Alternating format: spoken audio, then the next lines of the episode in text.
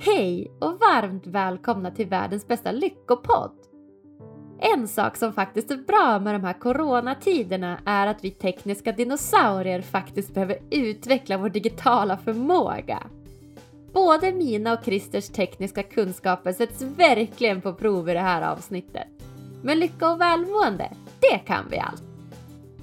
Med över 40 års erfarenhet berättar inspirerande Christer Olsson för dig hur du gör för att bli den lyckligaste versionen av dig själv. Han är en av Sveriges populäraste föreläsare och vann bland annat Årets talare 2019. Idag arbetar Christer med bland annat affärsutveckling, hållbara organisationer, ledarskap och affärsmannaskap hos några av Nordens mest erfarna ledare. Det finns få som har som förmåga att göra komplexa saker så enkla och görbara som Christer.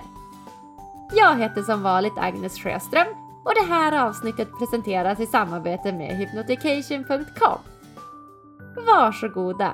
Här kommer ett av våra mest inspirerande avsnitt hittills.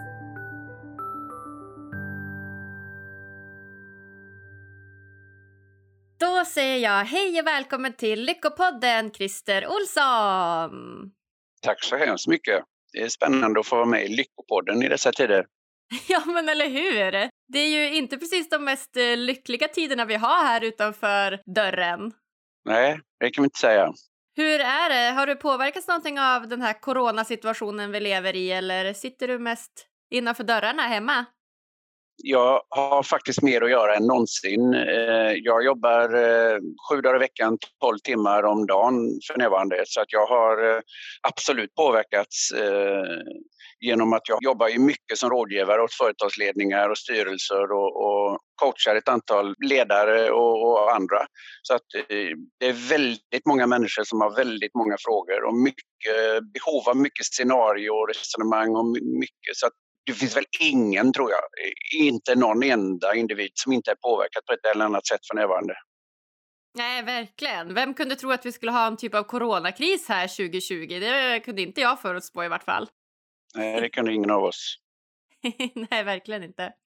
Nej, men som du säger, det är ändå, eh, man testas ju lite grann här på sina tekniska kunskaper och eh, man får ju träna sig på att eh, göra mer föreläsningar och liknande digitalt här. Så att eh, om det är något positivt coronan har att komma med så är det väl det i vart fall. Ja, det är det. Jag tror att det, det, är väldigt många människor som lär sig väldigt mycket. Och det finns ju ett antal positiva effekter. Det är en tragik och det är ingen som önskade dem. Men i 20 år har vi pratat om digitaliseringen av vårt samhälle. Om att väldigt många människor eh, skulle må väldigt bättre och kunna underlätta sina liv via en digitaliserad tillvaro. Nu är det jätte jättemånga människor, liksom du och jag som hade lite teknikstrul här när vi skulle inleda eh, den här intervjun, så är det väldigt många människor som får verkligen lära sig det här på riktigt nu. Så nu händer den här digitaliseringen som vi har pratat om sedan millennieskiftet för väldigt många människor och det tror jag kommer att underlätta livet för många faktiskt fortsättningsvis. Ja, nej, men jag håller med. Trots den här tragedin och att det är många som dör och att det är många som blir sjuka så måste man ändå säga att lite positiva sidor finns det ju. ja, ganska många eh, skulle jag väl vilja säga till och med. Eh, alltså, bortsett från hela sjukdomstragiken så är det ju Alltså om vi pratar Lyckopodden så är en av de faktorerna som är den mest bidragande grunden till att vara en lycklig människa, det bygger på känslan och behovet att vara behövd. Eh, och väldigt många människor mår väldigt bra just nu för att de får känna just behovet av att vara behövda många vågar inte ens säga hur bra de mår i det här. För tidigare så pratade vi om, så att säga, höstas när vi inte hade en aning om, om eh, corona, så pratade vi om att varför mår vi så dåligt när vi har det så bra? Och en delmängd av det svaret är faktiskt vi mådde så dåligt för att vi hade det för bra. Mm. Vi människor är faktiskt gjorda för att lösa problem. I 10 000 generationer har vi i princip vaknat på morgonen och funderat på hur vi ska få mat för dagen. Mm. Vi är inte gjorda för ett helt problemfritt liv. Vi mår bra av att vara prövande, lärande och levande. Det är någonting jag föreläser mycket om, att vara prövande, lärande och levande. När vi är prövande och lärande, då är vi levande. Men när vi bara liksom bara inom situationstecken gör rutiniserade uppgifter, när livet bara går på rutin, då mår vi inte riktigt bra. Så paradoxen är att jättemånga människor mår bra för att A. De blir problemlösare just nu. B. De får känna sig behövda på ett sätt de inte har fått göra tidigare. C. De vet att ingen har svaret, så de själva har svaret likväl som någon annan. Experten är möjligtvis expert på smittorisker och, och, och folkhälsoeffekter men i övrigt så är vi alla lika vilsna i pannkakan för närvarande. Ja, ja men vad spännande! Prövande, lärande, levande. Det ska jag verkligen ta med mig. Ja. Du, du är ju då en av Sveriges främsta föreläsare och inspiratörer och jag vet att du vann priset Årets talare 2019 och arbetar med bland annat kulturutveckling, ledarskap, affärsmannaskap hos några av Nordens mest erfarna ledare och då bland annat Claire Sign Hotel där vi faktiskt sitter och spelar in i vanligtvis. Ja, det stämmer. Jag har privilegiet att få lära av dem och när du är på Clarion Science så träffar du Henrik som jag också har privilegiet att få lära av och med och har jobbat med i många år. En av de skickligaste cheferna jag känner. Ja, men så härligt. Och jag har ju spanat in dig för flera, flera år sedan och har ju läst dina böcker och har ju haft eh, koll på dig ett tag nu sedan jag också började läsa psykologi. Jag tycker liksom hela din, ja men, ditt sätt att prata på och du får det som är lite så svårt och ogreppbart att bli så konkret på något sätt. Ja, tack så hemskt mycket. Ja, jag tror ju på förenklingar. Det är därför jag kallar mig fiskarson och resande i sunt bondförnuft. Fiskarson och resande i sunt bondförnuft. Ja, men det är precis det. Det blir ju lättare för oss att förstå helt enkelt när man gör det på ett sånt enkelt sätt som du har möjlighet att göra. Och det, har, det har ju varit en del av min eh, föreläsning på senare tid, för det är någonting som också hände, på tal om lycka och olycka, eller att må bra eller må dåligt. Alltså jag pratar ju mycket om det. Förr kallade jag mig resande i stund bondförnuft, men under en lång period så, så blev det inte så, utan jag hette bara Christer Olsson och då tjafsade jag inte om det. Men sen ett par år tillbaka är jag jättenoga eh, igen med att kalla mig för resande i sunt förnuft. Varför det? Jo, för jag märkte att väldigt många människor krånglade till alldeles för mycket, alldeles för ofta, alldeles i onödan. Eh, och varför gjorde de det? Jo, för att de inte upplevde att de dög som de var. Mm-hmm. Eh, och då började jag gräva i det här, för vi vet ju alla rent intellektuellt att är du tillräckligt duktig i ett ämne så kan du förklara komplicerade saker på ett enkelt sätt. Mm. Men jag brukar säga att vilken idiot som helst kan göra det allra enklaste väldigt komplicerat. Då får du låta väldigt märkvärdigt. Mm. Och därför blev jag väldigt fascinerad över vad är det som gör att jag möter människor som faktiskt är kompetenta, som jag vet är kapabla och som, som inte skulle behöva krångla till saker, men de gjorde det. Och det var en av mina fördjupningar som jag har, har, grävt ganska ordentligt i de sista åren. Och jag landade ju i då att, att det berodde på att alldeles för många människor hade slutat att reflektera. Och jag säger ju så här att en oreflekterad erfarenhet är ingen erfarenhet. Mm. Så när jag inte reflekterar vad jag lärt mig idag så kommer jag lära mig en massa saker som jag inte vet att jag lär mig och då kommer jag att veta en massa saker som jag inte vet. Och hjärnan är ju inte dummare än att den använder både din medvetna och din omedvetna kunskap. Men själv kommer du bara att uppleva dig använda den medvetna kunskapen. Medan andra människor kommer att uppleva dig som mer kapabel, färdig och förmögen utifrån och in än du upplever dig inifrån och ut. Många människor går omkring och känner sig som en bluff. Jag är inte så duktig som de tror, tänk om de kommer på mig. Och det är ett av mina viktigaste ämnen att jobba med människor när jag coachar för att då är du inte lycklig för då är du otrygg, osäker och mår dåligt. Och min ingång i det här är liksom att, att hela min coachning bygger mycket på att få människor att förstå att de har det redan i sig. Och där är jag inte unik som coach men alltså att många frågar vad ska jag lära, vad ska jag läsa, vilka kurser ska jag gå, vad behöver jag tillföras? Du behöver bara tillföras en komponent självtillit. Lita till dig själv, du har det redan i dig. Om du bara, liksom, om du bara litar tillräckligt mycket på dig själv så kommer du att upptäcka att du kan och vet och klarar mer än du anar. Okej, och hur gör du då för att eh, få liksom, ledare och chefer att förstå att de redan har det i sig och hur får du dem att få bättre självtillit?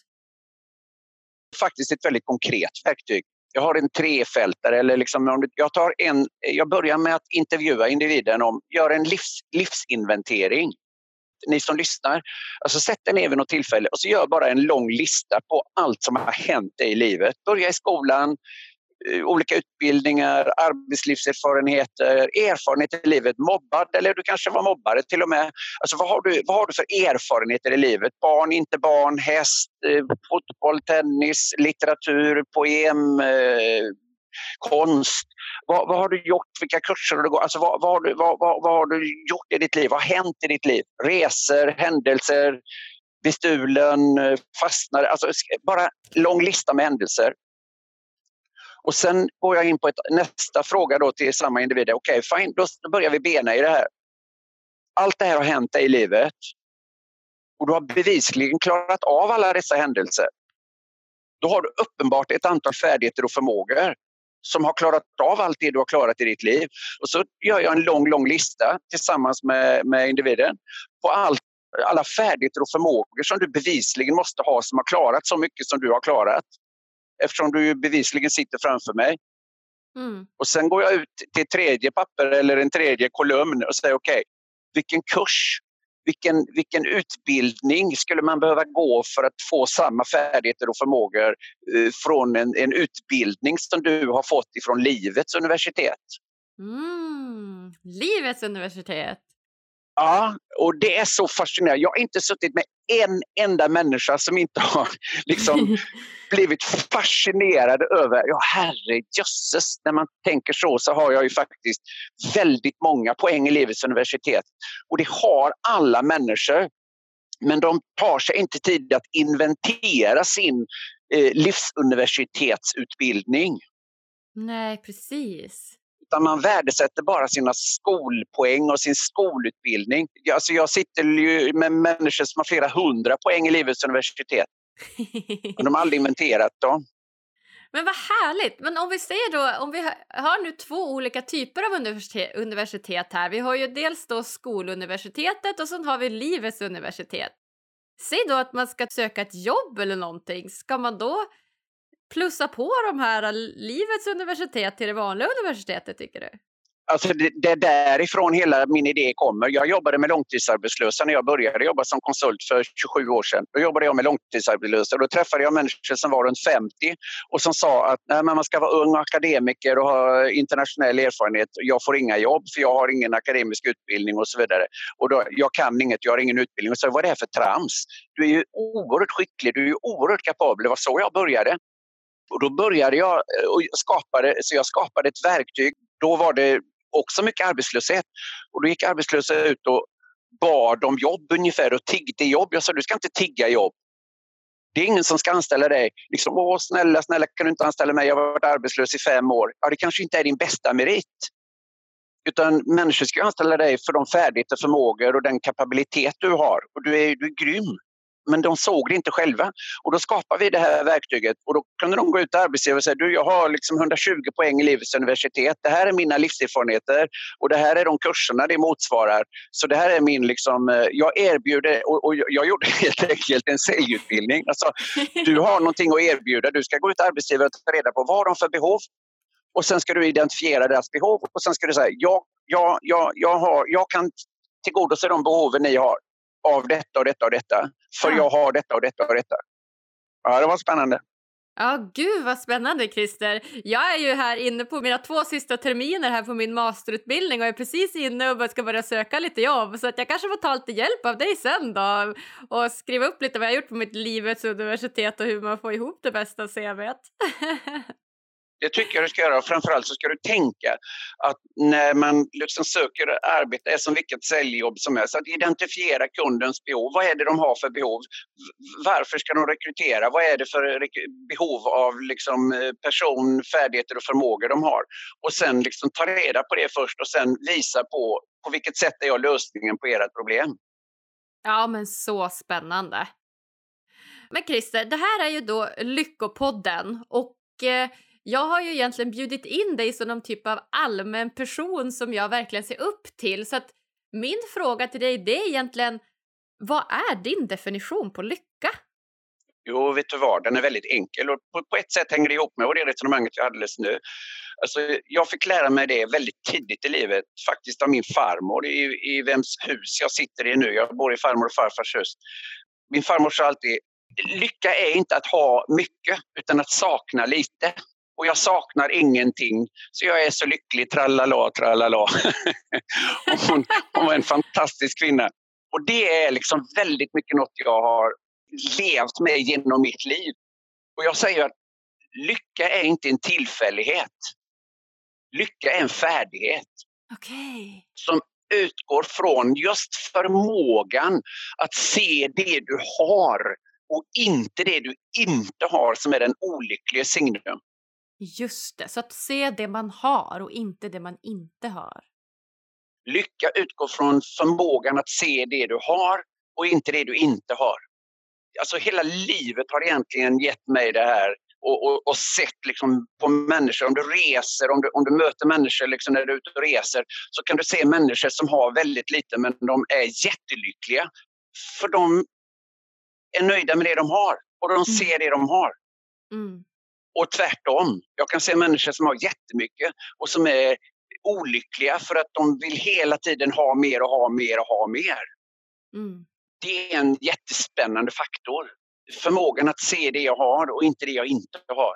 För mig är det en jätteenkel definition på, på lycka. Eh, och som kanske är viktigare i, i dessa tider än någonsin.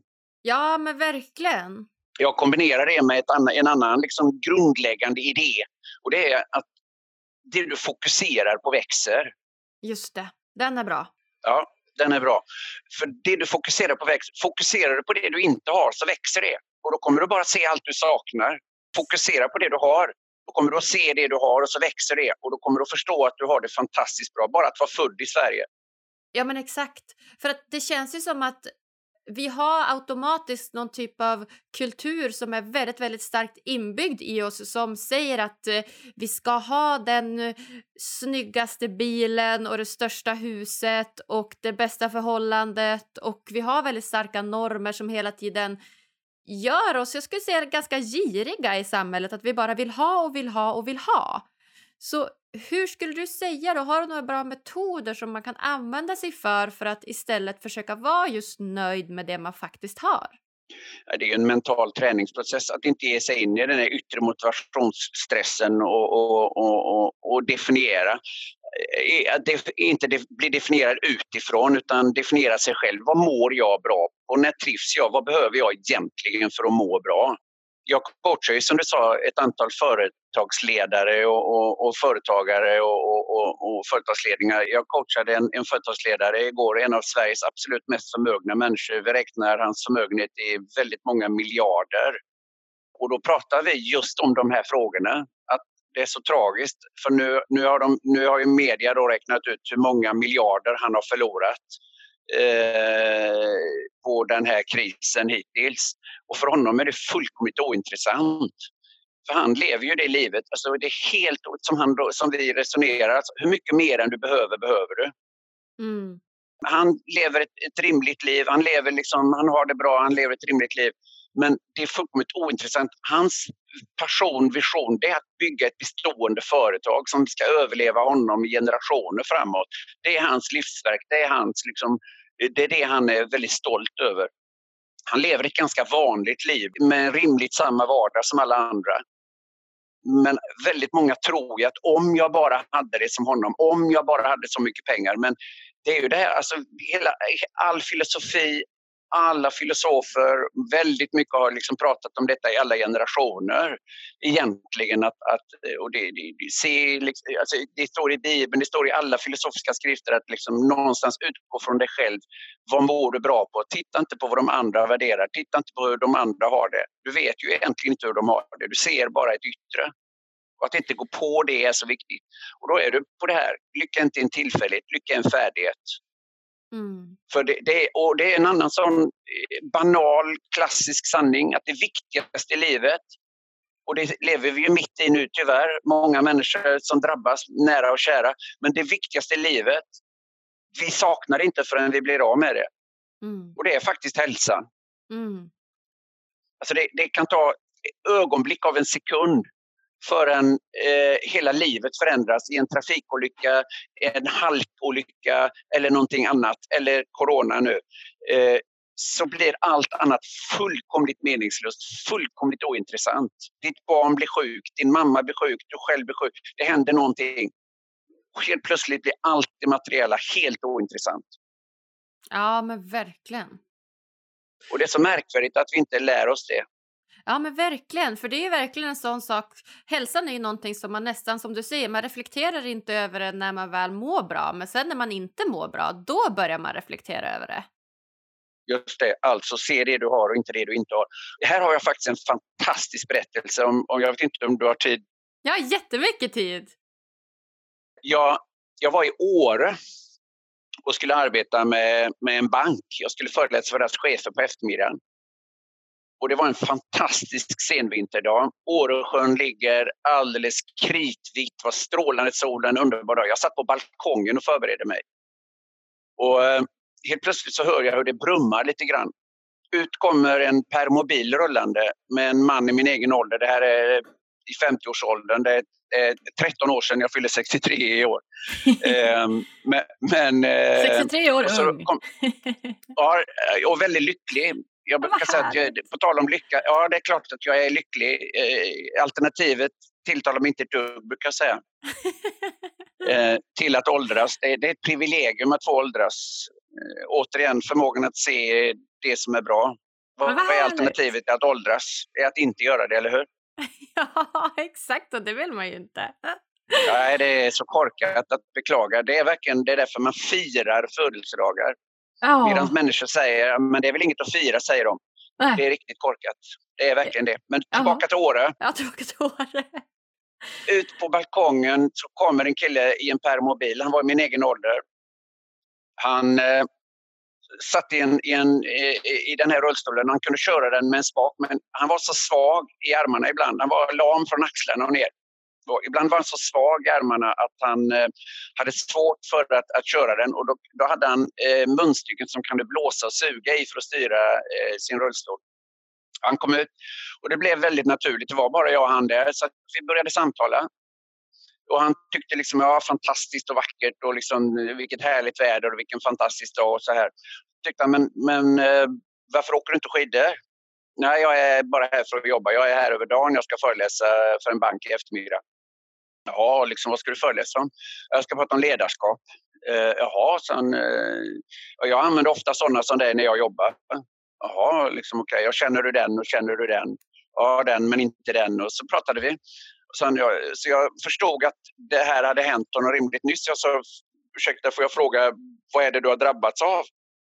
Ja, en trafikolycka, sa han. Och eh, liksom mitt spontana, liksom då, jag, jag beklagar så hemskt mycket, det måste vara fruktansvärt jobbigt. Och då svarade han sådär spontant bara, nej det är ingen fara, sa han. Nej, okej, okay, vilken härlig inställning. Det är den jag försöker få helt friska att ha. Ja, sa han, det, det kunde varit värre. Okej, okay. alltså ursäkta mig.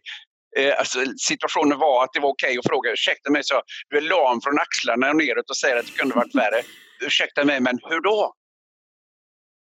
Och då, då säger han bara, eh, eh, jag kunde vara död till att börja med, sa Sant.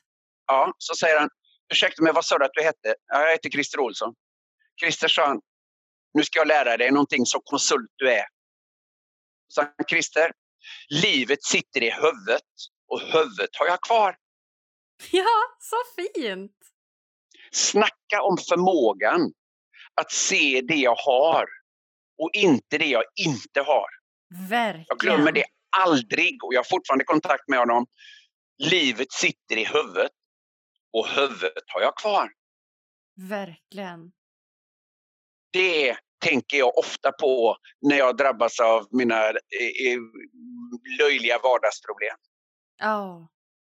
Och det är liksom verkligen, det är vad det handlar om väldigt, väldigt mycket. Det innebär inte att man inte kan känna empati med människor som drabbas. Det innebär inte att de, att de inte har det jobbigt och tufft, men just förmågan att se, alltså tragiken i min erfarenhet är att jag träffar alltså fler människor som har drabbats av saker i livet som är genuint lyckliga över det de har och har kvar mm. än odrabbade rent statistiskt.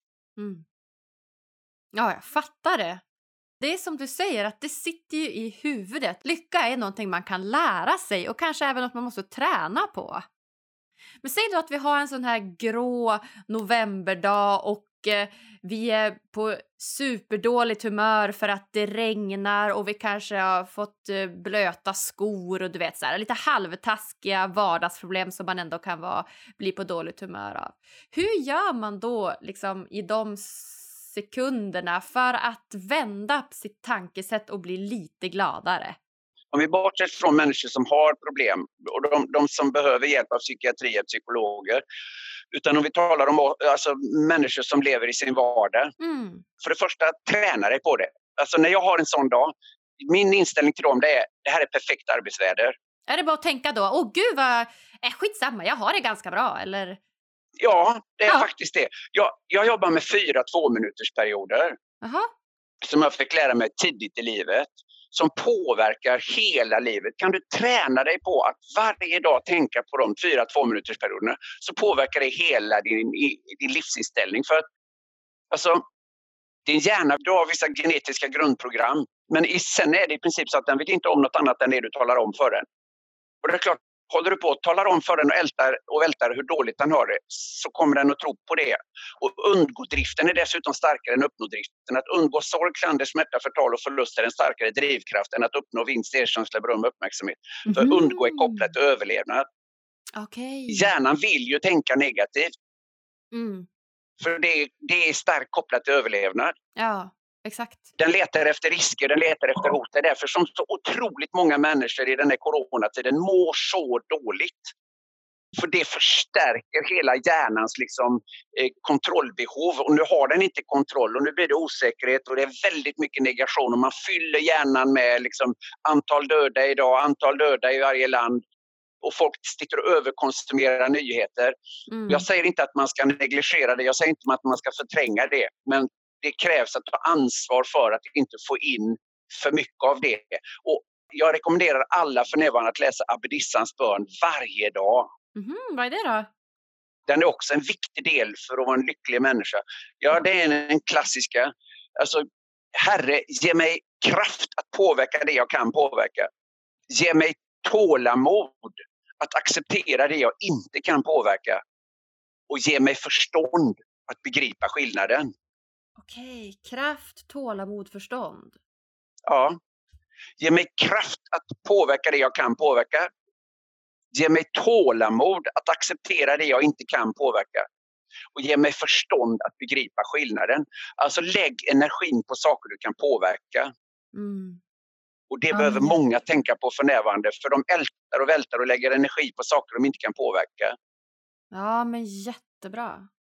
Sen de här fyra två minuterna då. Den första två minuterna det är direkt när du vaknar på morgonen. Mm. Att medvetet tänka, vad är det bästa med mitt liv? Till att börja med att du vaknar. Min mamma dog 30 år gammal när jag var fyra. Min pappa dog 46 år gammal när jag var 15. Det första jag gör när jag vaknar det är att jag tänker bara yes, en dag till. Wow. Ja, det är faktiskt min start på, på dagen varje morgon. Härligt! Och det, jag har ett problem med det. Jag, jag vaknar så tidigt och jag vill, jag vill upp. Så jag är morgonmänniska. Jag, jag vill vakna och jag vill upp, jag vill igång. Så att jag, är liksom, jag tillhör de mest som är ute och springer klockan sex på morgonen. Men det är just för att jag, jag, jag längtar till varje dag. Det bygger på väldigt lång träning. Ja. Så de första minuterna. Tänk efter, tack för att jag får vakna en dag till. Tack för att jag får bo på Öckerö. Tack för att jag får bo i farmor och farfars hus. Vad härligt att de byggde sitt hus här. Och, alltså att bara vara glad för att du har det som du har det. Wow. Två minuter innan du står upp. Oh. Tänk igenom allt som är bra med dig själv och ditt liv. Mm. De två första minuterna. Det kommer att påverka hela din morgon. Om du tränar dig till att göra det här varje dag till en vana. Sen kommer nästa tvåminutersperiod och det är när du kommer till jobbet. Nu är det väldigt många som inte kommer till jobbet eh, just nu, men jag rekommenderar ju ändå alla att ha rutiner. Så att ha en social sfär hemma. Jobbar du hemifrån, skapa ett kontor hemma. Gör ett klädkammaren, ett sovrum, gästrum om du har möjlighet till det. Eller en del av ditt vardagsrum, bor i en etta. Avdela en del som du säger, nu, är jag på, nu går jag till jobbet. Och så sätter du dig på jobbet. Och så två första minuterna, se det som är bra vad skönt. Jag, idag behövde jag inte ens resa till jobbet. Jag kan sitta hemma och jobba. Alltså välj att se det som är bra med ditt arbete och din nu-situation. Det finns alltid bra saker i allting. Verkligen. De två första minuterna, om vi tänker nu, för corona är ändå en parentes hoppas vi. Så de två första minuterna när du vaknar, de två första minuterna när du kommer till jobbet, att medvetet se det som är bra. Det andra mm. behöver du inte bekymra dig om, det kommer att ta den plats det behöver. Och sen när du kommer hem, de två första minuterna när du kommer hem, när jag öppnar dörren och kom hem, jag tar ofta det som exempel och jag, liksom, jag har tre söner som nu är 27, 31 och 33 men när de var små så kunde jag öppna dörren och så låg det ett hav med skitiga skor innanför dörren och då kunde jag tycka liksom att Gustav kom hit! Och, och, och, vad skulle de tänka då? Ja, pappa är hemma. Nej. och nej, kommer han, vi som hade så kul. Jag kan också öppna dörren och titta och se och tänka, åh vad härligt. Jag har friska barn som har varit ute och lekt och blivit leriga och skitiga och de är uppenbart kompisar för här ligger många skor. Oh. En vacker dag kommer jag sakna de här skorna mer än vad jag anar. Eller hur? Saknar du dem idag då? Ja, det gör jag verkligen. Ja. Men nu har jag mina barnbarns skor istället. och det kan också ibland, jag höll på att slå ihjäl mig häromkvällen. Jag kom hem för då hade, var det släkt i källaren och, och då hade de byggt ett stort Duplohus som jag inte stod och höll på att trampa på och, och, och snöpplade. Och då är jag bara liksom yes! Underbart!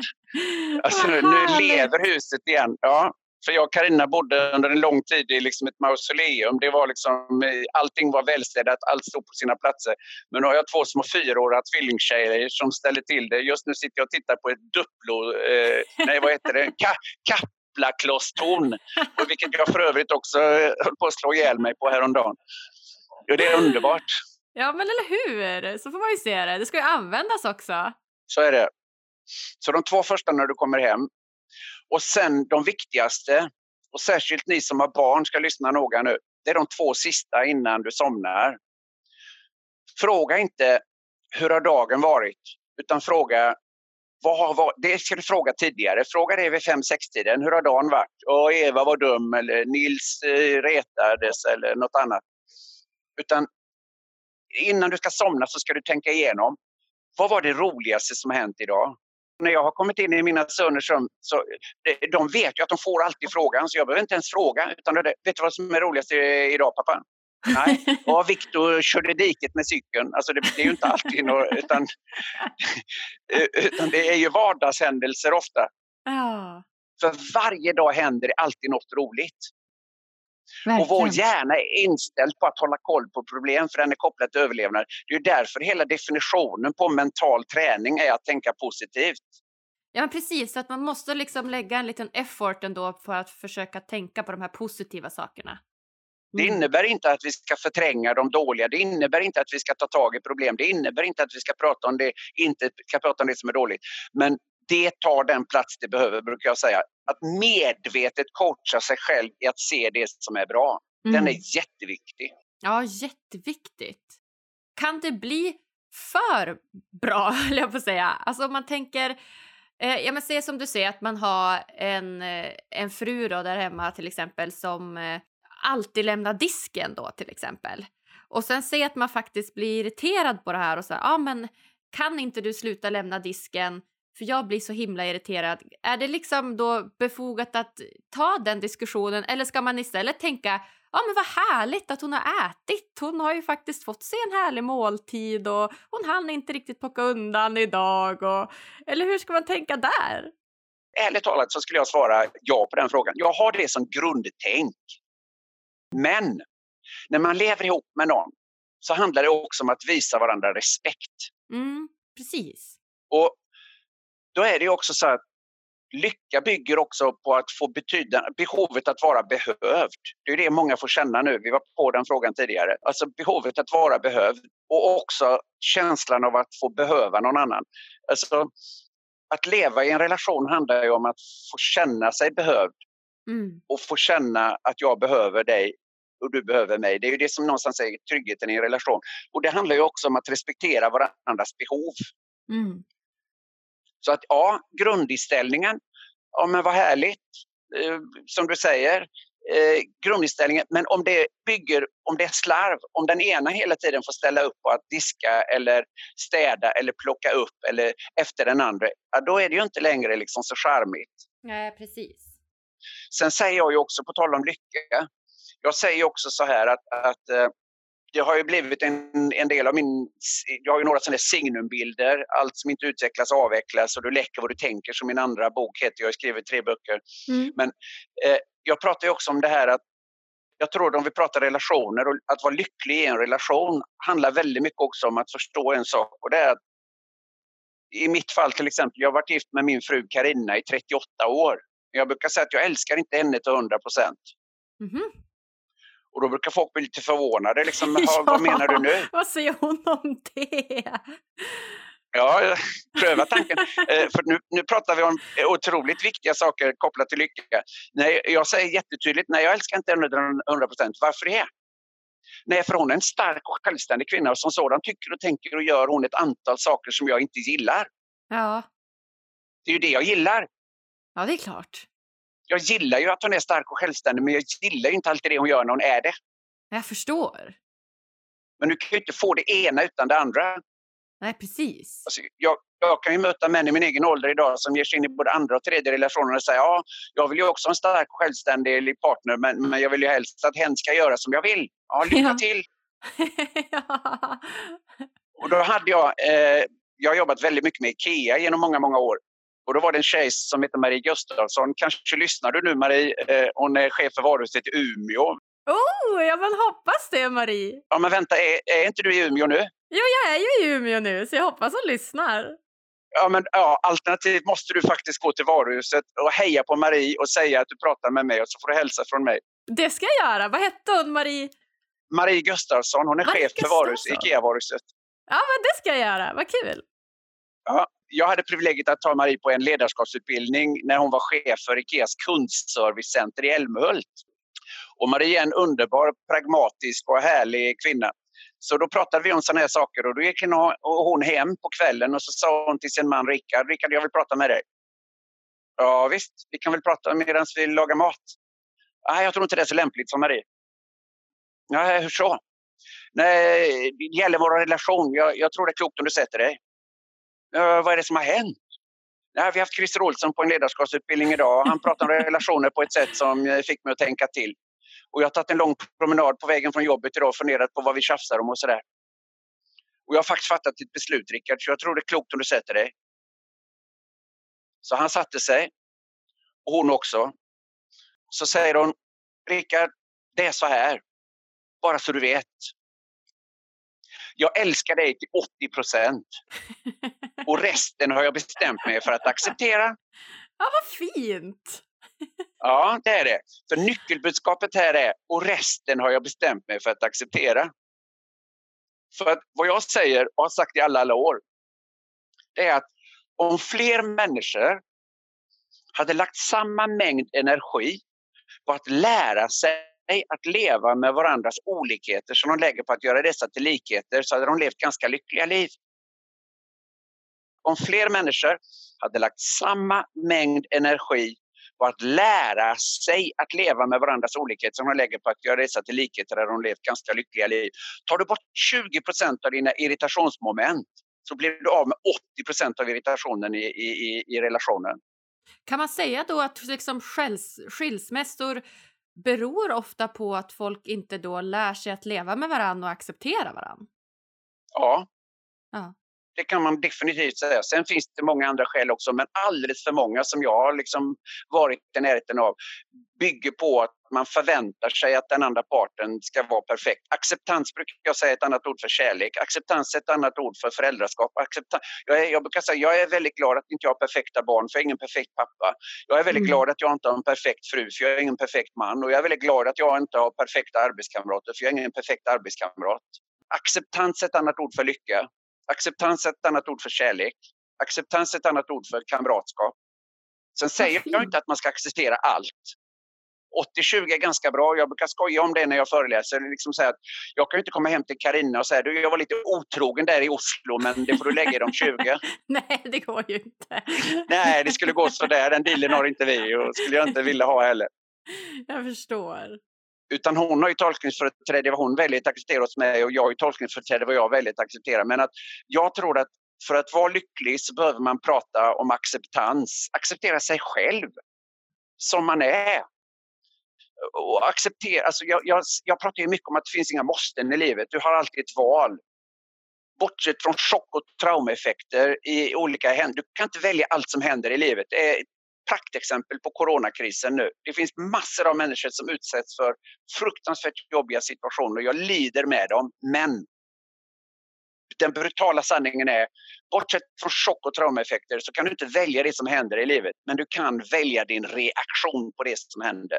Du kan välja att se huvudet har jag kvar. Du kan välja att se allt i svart, men du kan också välja att konstatera att det här är fruktansvärt just nu, men vänta bara. Jag kommer ur det här liksom, eh, med erfarenheter, lärdomar eh, som jag kommer att göra någonting av. Har jag, kunde jag det en gång kan jag det igen. Eh, även om det här corona försatte mig i en fruktansvärt jobbig situation. Men jag kunde faktiskt bygga upp det jag byggde upp, men som nu är kullkastat. Men kunde jag det en gång kan jag det igen, så vänta bara. Ja, det handlar verkligen om mindset. Ja, det gör det. Väldigt mycket. Vad gör dig som lyckligast, Christer? Ja, det är mina barnbarn. Mina barn och mina barnbarn, det, det svaret är jätteenkelt. Jag är, då är, alltså det, därför är jag så lycklig. Jag har, jag har mina små tvillingtjejer. Då. Jag, jag har ju tre eh, söner. Så, att, så min äldsta son fick eh, eh, Stina och Klara eh, och nu har min mellanson fått en liten son, Nikolaj, som är sex månader. Vi satt och skypade med honom i en kvart igår och bara ser honom krypa och allt. Alltså då, då, då är jag helt upprymd. ja, vad härligt! Ja. Alltså den, den, mest grundläggande lyckan det är mina nära och kära. Familjen, mm. relationer. Karina, liksom vardagen med Karina, mina barn, eh, mina barnbarn. Eh, men sen är det också väldigt mycket ärligt talat mitt jobb. Jag, ju, jag är så privilegierad att jag får, liksom, jag får stå på scen, jag får jätteunderbar feedback. Jag får också väldigt många mejl. Så att någonstans, det som gör mig lycklig på riktigt det är just att varje dag får betyda något för någon. Och jag har ju ett sånt unikt arbete att jag får det. Och det är ett privilegium. Tänk på det alla ni som är där ute. Att, att be en människa om hjälp, det är faktiskt att ge den människan gåvan att få känna sig behövd. Jag får ju ofta, ah, förlåt om jag besvärar dig. Nej, du besvärar inte. Tack för att du frågar, jag hjälper dig gärna. Mm. Alltså, att be någon om hjälp, särskilt i dessa coronatider. Vi ser ju hur massor av människor blommar upp genom att skapa olika nätverk och bär hem mat. Och folk, de, människor får känna sig behövda som aldrig förr. Titta hur de mår. Mitt i krisen mår de jättebra. Varför det? För de får känna sig behövda. De fick mm. inte det förut. Ja, Föreningssverige blommar. Vi pratar också idag om liksom att oh, vi har sett ett nytt Sverige. Nej, det har vi inte alls. Det är bara att det har funnits där hela tiden. Vi har bara inte sett det. Föreningssverige, idrottsföreningar, dansföreningar, pensionärsföreningar, eh, sjuk... Alltså det, föreningssverige är jättestort. Det ligger bara och slumrar i oss allihopa. Vi är altruister, vi är genetiskt altruister allihop. Och det sa redan Sokrates, undrar om inte den största altruisten egentligen är egoist. Ja, men du har någonting där. Det är så här, ja, men att ge till andra. Att man liksom, dels gör man det såklart för deras skull om de ber det. Men det är också något man gör för sin egna skull, för man mår ju bra när man faktiskt ger till andra. Ja, ja. ja jag lyssnar vad Sokrates sa. Undrar om inte den största altruisten egentligen är egoist. Ja, det är bra. Jag, jag har privilegiet att vara involverad i Star for Life och, och, och har varit engagerad i en skola, nu en klass då i Sydafrika. Och, och första gången jag åkte dit ner så kände jag mig som en givare. Åh, vad trevligt. Åh, nu ska jag få se vad mina pengar går till. och så här. När jag åkte hem därifrån så kände jag mig som en futtig, skämmig tagare. För det jag hade fått var så oändligt mycket mera ah, okay. än det jag hade. Det är jätte av mitt överflöd. Ja, det var en mäktig känsla och sen dess är jag där varje år. Men wow, Christer! Om du skulle rangordna dig själv från en skala 1 till 10, hur lycklig är du generellt? Nu är det 10. Oh, jag, jag, har aldrig fått Ja, faktiskt. För nu, jag jobbar ju 12 timmar om dagen, sju dagar i veckan. Jag får känna mig så behövd, sedd och bekräftad. Och jag brukar säga att jag har aldrig fått så bra betalt för mina gråa hår som nu. Att vara 63 år och ha varit med i flera kriser, det, det, det har aldrig varit så eh, värdefullt som just nu faktiskt. Nej, exakt. Och vad är alternativet? Karina sa, och Carina sa det till mig häromdagen, Christer, det var länge sedan du mådde så här bra. Ja, vad härligt.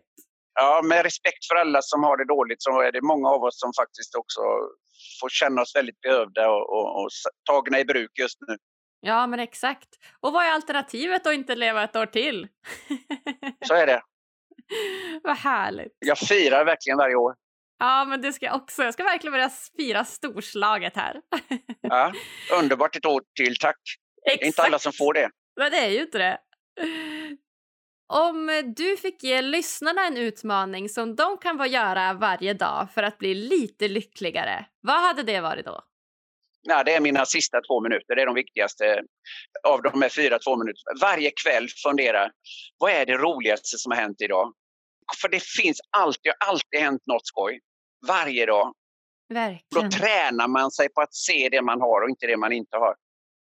Så att min utmaning det är den, de sista, men alltså fyra, de här fyra tvåminutersperioderna som vi mm. pratade om. Träna på dem, jag lovar dig. Det kommer, att, det kommer att påverka ditt liv. Ja, men toppen! Vem eh, hade du velat eh, ska gästa Lyckopodden? Ah, vilken bra fråga. Tack. Tanja Sjöberg på Skanska. Tanja Sjöberg. Ja, hon är en ganska unik person och i dessa tider har hon stuckit ut och gjort flera bra saker. Hon, hon är en sån som ofta får mig lycklig. Okej. Okay. Men jag är alltid glad när jag har pratat med henne. Vad härligt! Vad jobbar hon som? Hon jobbar med utbildning på Skanska. Ja, men du, jag ska kontakta henne. Ja, det tycker jag faktiskt du ska göra. Du, Christer, är det något eh, slutligt som du känner att du skulle vilja säga här i Lyckopodden? Ja, se det du har och inte det du inte har. Se det du har och inte det du inte har. Lycka är en färdighet, förstå det på riktigt och börja träna. Allt i livet som är värt någonting kräver mm. en ansträngning. Mm. Också lycka. Lycka är en färdighet, inse det. Det är inget som bara inträffar då och då. Det kan det spontant göra. Men inse att det är en träning. Träna dig på att vara lycklig så blir du lycklig. Träna dig på att vara lycklig så blir du lycklig. Ja. Fantastiskt! Tack snälla Christer för att du kom och gästade oss här på Lyckopodden. Tack så hemskt mycket för att jag fick. ha det bra, själv. hoppas att vi ses där ute. Ha det bra, hej! Hej! Ja, oh, wow hörni! Hoppas ni njöt lika mycket som mig av att lyssna på världens bästa Christer. En sån inspirationskälla. Jag önskar att han var min morfar eller någonting som jag alltid kunde vända mig till för råd. Vill ni höra mer? Prenumerera gärna på podden, följ oss på sociala medier och dela gärna avsnittet med era nära och kära så att fler får chansen att lyssna på den här podden. Vi hörs på tisdag igen. Puss och kram!